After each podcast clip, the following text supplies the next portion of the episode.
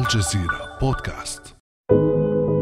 من تحت أنقاض مباني غزة وعلى وقع القنابل الإسرائيلية المتهاطلة على رؤوسهم دوت صرخات أطفال غزة ليرتد صداها في ساحات وميادين عربية ضجت بآلاف الحناجر المحتشدة للمطالبة بوقف العدوان على الفلسطينيين وإسقاط كل مظاهر التطبيع العربي الإسرائيلي.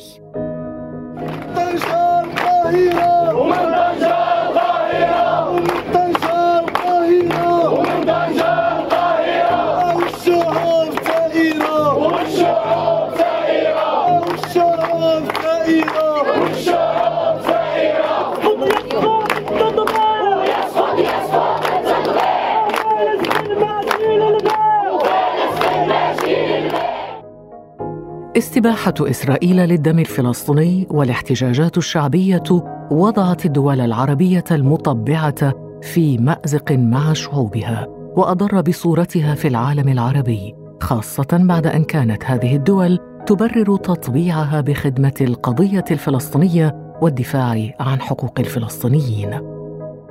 فما مآل تطبيع بعض الدول العربية مع إسرائيل بعد الحرب الأخيرة على غزة في ضوء المطالب الشعبية المتنامية بإسقاط التطبيع وإلغاء اتفاقياته. وما آثار هذه الحرب على مخطط التحاق دول عربية أخرى بقطار التطبيع؟ وماذا حقق التطبيع للفلسطينيين والقضية الفلسطينية؟ بعد أمس من الجزيرة بودكاست أنا خديجة بن جنة.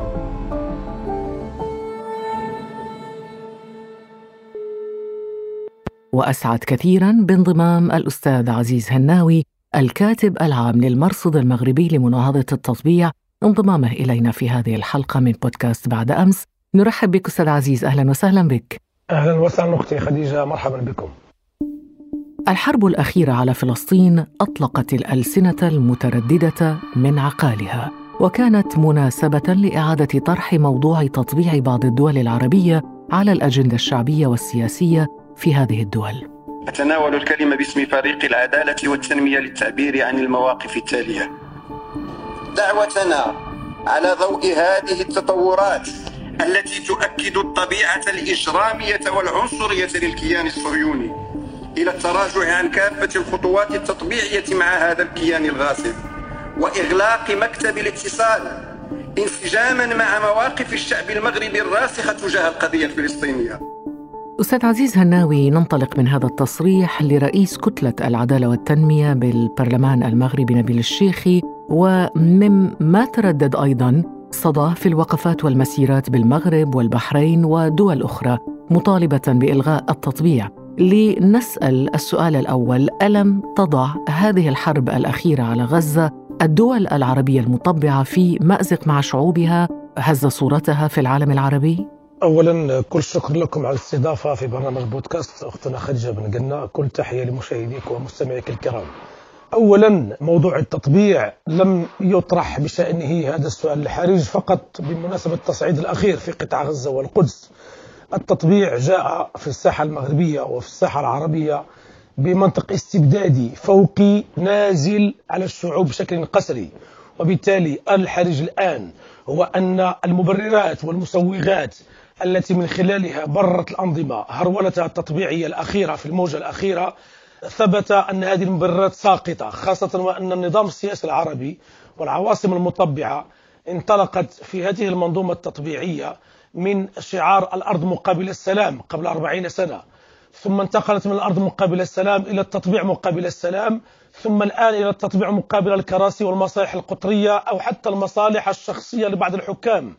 فإذا المنظومة التطبيعية ساقطة بطبيعتها بغض النظر عن التصعيد والوضع الساخن في القدس وغزة والداخل الفلسطيني الذي انضاف إلى السقوط الأخلاقي للمسار التطبيعي لكي يضعه في موضع حرج جدا. ولهذا نرى أن عدد من الأصوات التي كانت تتردد كما قلتم في التعبير صراحة عن الموقف من التطبيع أو التعبير صراحة عن الرجوع عما تم من اتفاقيات ساقطة للتطبيع.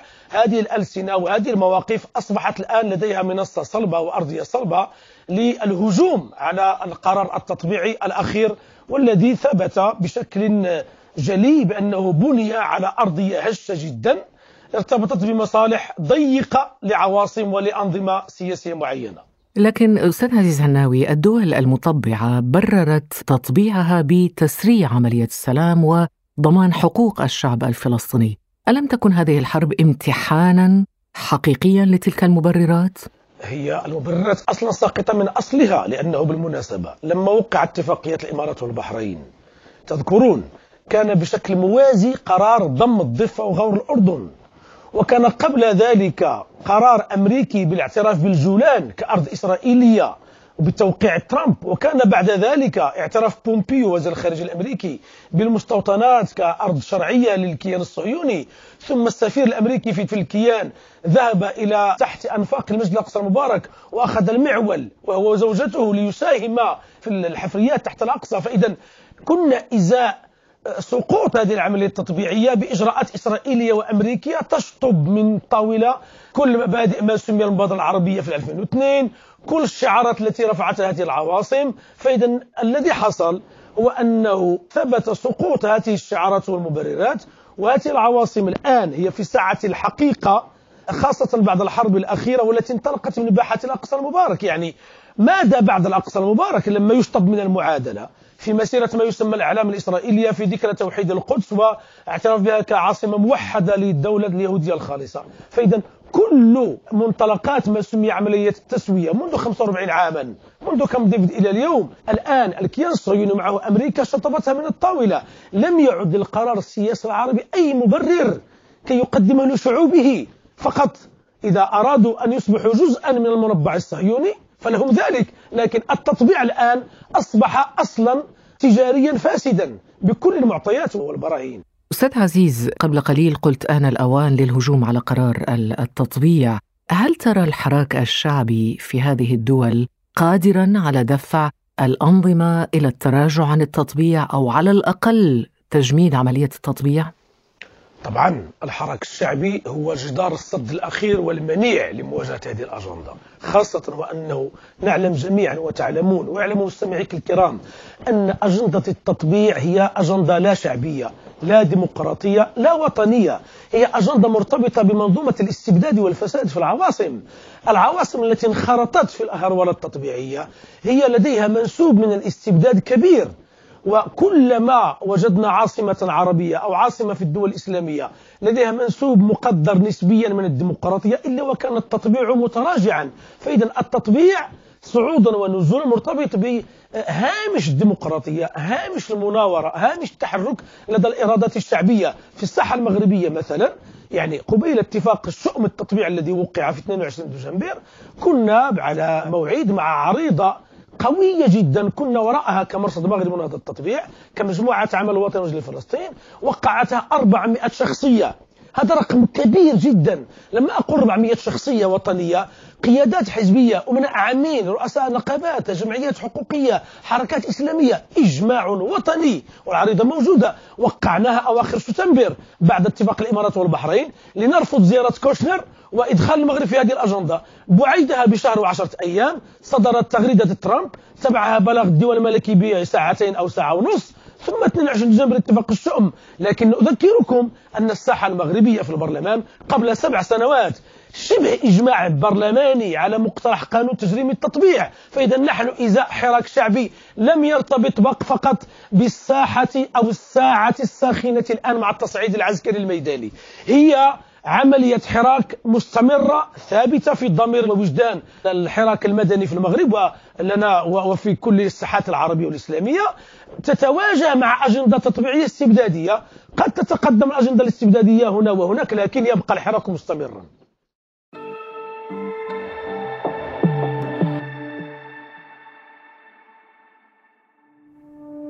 ابقى على تواصل مستمر مع الجزيرة بودكاست ولا تنسى تفعيل زر الاشتراك الموجود في تطبيقك لتصلك الحلقات يومياً.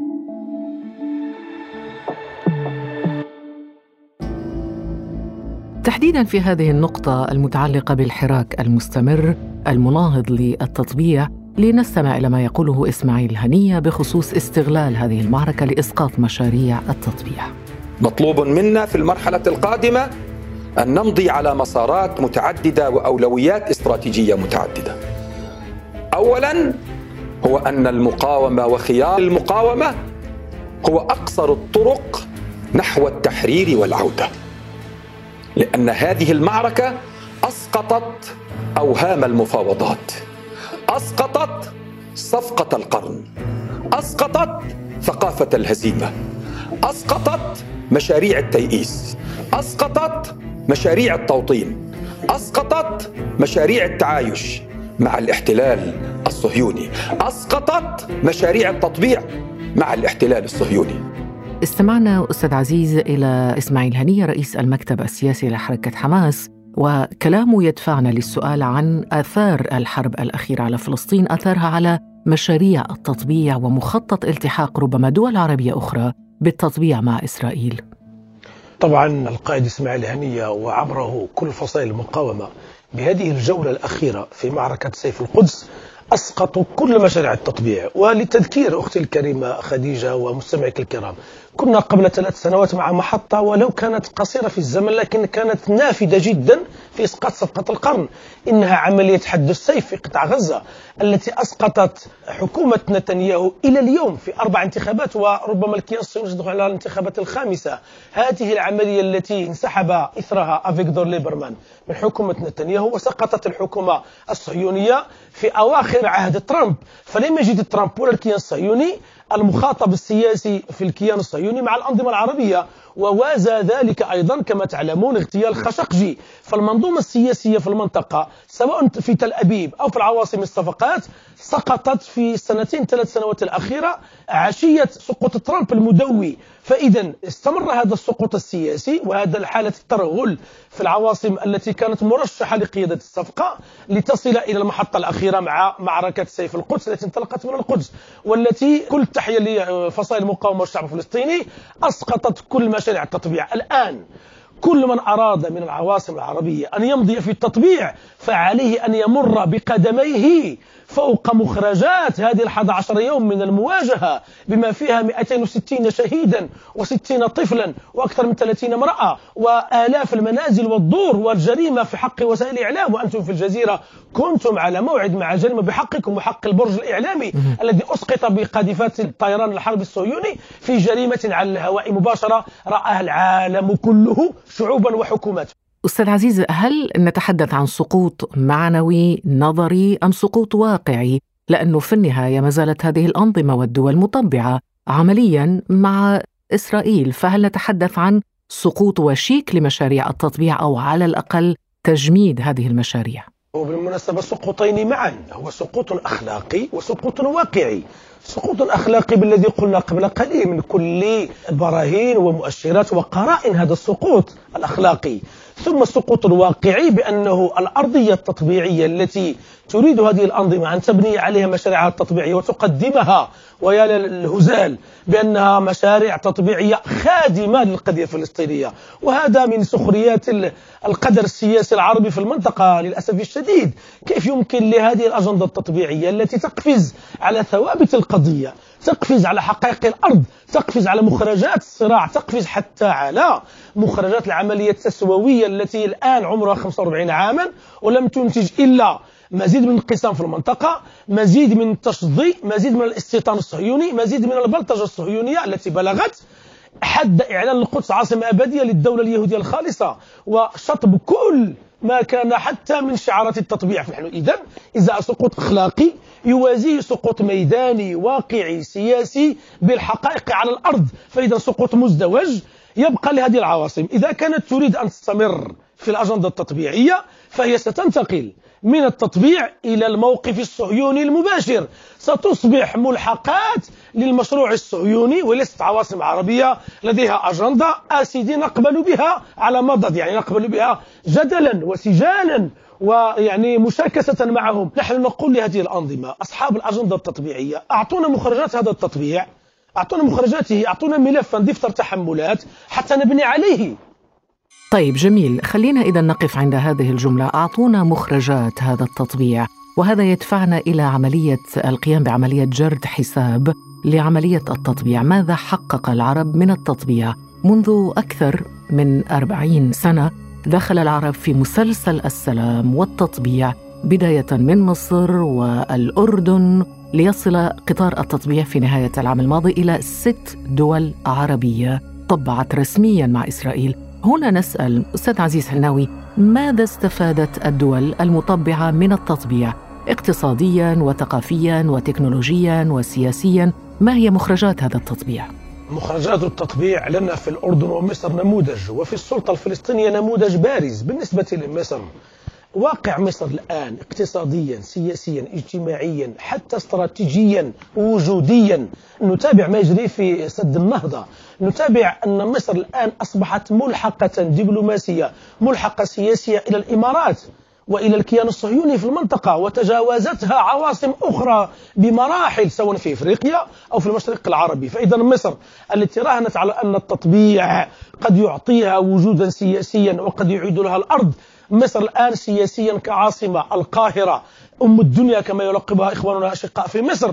أصبحت ضائعة الآن على المستوى السياسي والجيوبوليتيكي في المنطقة. بالنسبة للأردن الفقر فقر في المياه فقر في الموقف السياسي. بل إنه أجندة التطبيع التي تجاوزت الأردن الآن أرادت أن تشطب الأردن من المعادلة بل وجوديا بأن تشطب وتزيح عنه صلاحيات الإشراف على القدس والمسجد الأقصى المبارك والأوقاف المقدسية كإشراف هاشمي. السلطة الفلسطينية انطلقت من أوسلو. الآن أبو مازن السلطة الفلسطينية تقول وصلت إلى محطة الأداء واكتشفت أن أمريكا كانت جزءا من وعد بلفور نراجع خطاب أبو مازن لما علق على صفقة القرن. فنحن إذا محطة أداء وصلنا إلى نهاية محطة السير التي تقول الآتي أن الذين انخرطوا في التطبيع انخرطوا بمنطق انهزامي بمنطق التفاف على القرار الشعبي وكرسوا التطبيع بمنطق قسري جبري. بدون حاضنة شعبية وصلوا هذه المحطة. الآن هم في خيارين. إما أن يرجعوا إلى الخيار الشعبي والذي الآن نحن بصدده في معركة سيف القدس الآن أو أن يستمروا في التطبيع إلى نهايته وإلى نهايتهم. وللأسف الشديد قد تكون نهاية ربما كيانات وشعوب لأنه التطبيع بالمناسبة لا يسيء فقط للقضية الفلسطينية. التطبيع يدمر الأنظمة السياسية التي تهرول نحوه ويدمر علاقتها بشعوبها ويدمر الأنسجة الوطنية. هذا موضوع خطير للغاية سرطان ينخر في الأمة حتى في الأنظمة التي تريد أن تبرر التطبيع بمنطق المصلحة القطرية. يعني الوعود التي تتحدث عنها الدول المطبعة أو المروجون للتطبيع من أنه سيحقق الرفاهية والنمو الاقتصادي والتعاون التكنولوجي وكل ذلك يعني هذا كله كلام فارغ برأيك؟ هذا كلام فارغ للغاية بدليل. نحن تابعنا هذا فقط للنكتة. الإمارات لما وقعت مع الكيان الصهيوني في التوقيع الفج والسخري الذي وقع في البيت الأبيض عشية نهاية ترامب ونتنياهو. كانت هناك صفقة الإف 35 مع الإمارات. من الذي اعترض على هذه الطائرات؟ إنه الكيان الصهيوني ولا يزال الاعتراض قائما. فإذا الكيان الصهيوني وهو يطبع مع هذه العواصم يمارس عليها الوصاية التكنولوجية يمارس عليها حق الفيتو لدى الإدارة الأمريكية والشركات الصناعات التكنولوجية في العالم كي لا تقدم التكنولوجيا لدى العواصم. بمعنى مطلوب منك أن تطبع وأن تركع وتكون جزءا من الأجندة الصهيونية وممنوع عليك أن تمتلك عناصر التكنولوجيا وتمتلك قدراتك التكنولوجية والعلمية والتقدم والتنمية لأنه مطلوب منك أن تكون مطبعا متخلفا. تقديم التطبيع بأنه يحقق التكنولوجيا للشعوب ويحقق التنمية ويحقق مناصب الشغل كما قدمه جاريد كوشنر في ورشة المنامة هذه أكذوبة كبرى. التطبيع يقوم على أساسين تأبيد الاستبداد وتأبيد التخلف. إذا نحن رفعنا واقع الاستبداد سينتفي التطبيع. إذا نحن رفعنا واقع التخلف سينتفي التطبيع. فإذا مطلوب من أجندة التطبيع أن تبقى على أساسين وركيزتين التخلف والاستبداد. طيب ما رأيك أستاذ عزيز هناوي بمن يقول لك لا يمكن أن نكون ملكيين أكثر من الملك وها هي السلطة الوطنية الفلسطينية الممثلة للشعب الفلسطيني قد طبعت مع إسرائيل إلى أبعد الحدود إلى الحد الذي تؤمن فيه أمن إسرائيل بأياد فلسطينية من خلال التنسيق الأمني. طبعا هذا الشعار يروجه أصحاب التطبيع. أصحاب التطبيع يروجون بأن الفلسطينيين ويجمعون الفلسطينيين كلهم في سلة السلطة، لكن هؤلاء يراهنون على ثقب في الذاكرة، يريدون أن يثقبوا ذاكرتنا كشعوب وكأمة وحتى الشعب الفلسطيني نفسه سؤال بسيط هل اتفاقية أوسلو استفتي فيها الشعب الفلسطيني؟ حتى منظمة التحرير في 93 لم يكن لها علم بمفاوضات السرية في أوسلو. وكل تحية لزميلتكم روان الضامن في برنامجها الوثائقي ثمن أوسلو. إن ثمن أوسلو هو الجريمة التي وقعت بحق الشعب الفلسطيني. فإذا اتفاقية أوسلو التي يركب عليها اليوم لتبرير التطبيع الذي يلتف حتى على مقررات أوسلو نفسها نحن إزاء عملية تسارع وتهافت تطبيعي كل مرة النظام العربي السياسي يضع لنفسه سقفا أو يضع لنفسه خطا ثم يتجاوزه. كنا من كامب ديفيد مرنا إلى وادي عربة مرنا إلى أوسلو مرنا إلى صفقة القرن والآن أمام صفقات هجينة كما وقع في السودان. التطبيع مقابل الشطب من لائحة الإرهاب كما كنا في المغرب التطبيع مقابل الصحراء. فنحن إزاء عمليات تجارة تطبيعية بالمصالح الوطنية القطرية الضيقة التي التطبيع نفسه سيهدمها وسيجرفها. وبالتالي الركوب على القرار الفلسطيني الرسمي في أوسلو وسلطة أبو مازن هذا ركوب ساقط لأن الحقيقة على الأرض الآن ثبتت بأن حتى السلطة الفلسطينية هي مبتورة عن نبض شعبها. وبالتالي الآن في المعركة الأخيرة تابعنا خطاب أبو مازن. لما يوجه الخطاب إلى أمريكا وإلى تل أبيب وإلى الغرب. يقول لهم حلوا عنا. فإذا أوسلو سقطت وإذا المبرر والمشجب الذي عليه يركب مسار التطبيع مشجب انكسر وتحطم ولم يبقى للعواصم إلا أن تركب على حمار التطبيع وليس حصان التطبيع أن تركب على حمار التطبيع وتذهب إلى البيت الأبيض كي تطلب الرضا وتطلب صك الوجود على الكراسي قصرا فوق شعوبهم شكرا لك الأستاذ عزيز هناوي على هذا النقاش العميق في مآلات التطبيع. مع إسرائيل في ظل المطالب الشعبية بإسقاطه. شكرا لك. كان هذا بعد أمس.